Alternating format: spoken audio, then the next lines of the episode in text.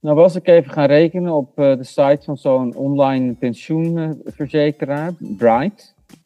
en toen zag ik hoeveel verschillen het eigenlijk maakt als je met een startkapitaal begint. Bijvoorbeeld als je 10.000 euro inlegt bij het starten.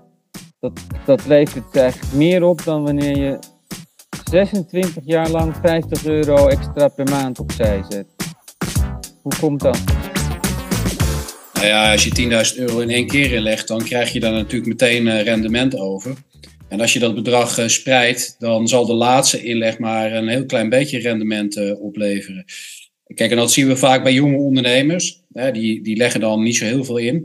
Maar op het moment dat ze een keer een goed jaar hebben gehad. Uh, en ze hebben wat geld over.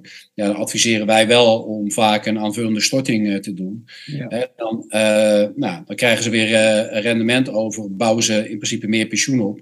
Maar je zou het natuurlijk ook anders kunnen benaderen. Je zou kunnen zeggen, als je nou ja, vermogen over hebt en je gebruikt dat eerder om eh, een stukje extra pensioen op te bouwen, dan hoef je in een latere fase van je leven natuurlijk weer minder pensioen op te bouwen. Ja, dus de regel is eigenlijk steeds hoe eerder, hoe beter. Nou ja, dat, dat, dat is sowieso uh, de conclusie, uh, Colin. want uh, wat ik al zei, we krijgen vaak ondernemers op bezoek die hebben het heel lang uitgesteld. En die zeggen dan op hun vijftigste van ja, laten we eens kijken of ik nog wat aan mijn pensioen eh, kan doen. Maar eigenlijk ja. heeft het dan niet zo heel veel zin meer. Dus wel zo, naarmate je ouder wordt, uh, heb je vaak weer wat meer ruimte om pensioen op te bouwen. Dat heeft de wetgever wel mogelijk gemaakt.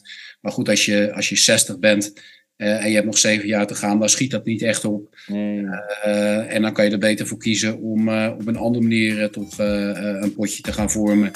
dat je kan gebruiken om dat inkomen aan te vullen.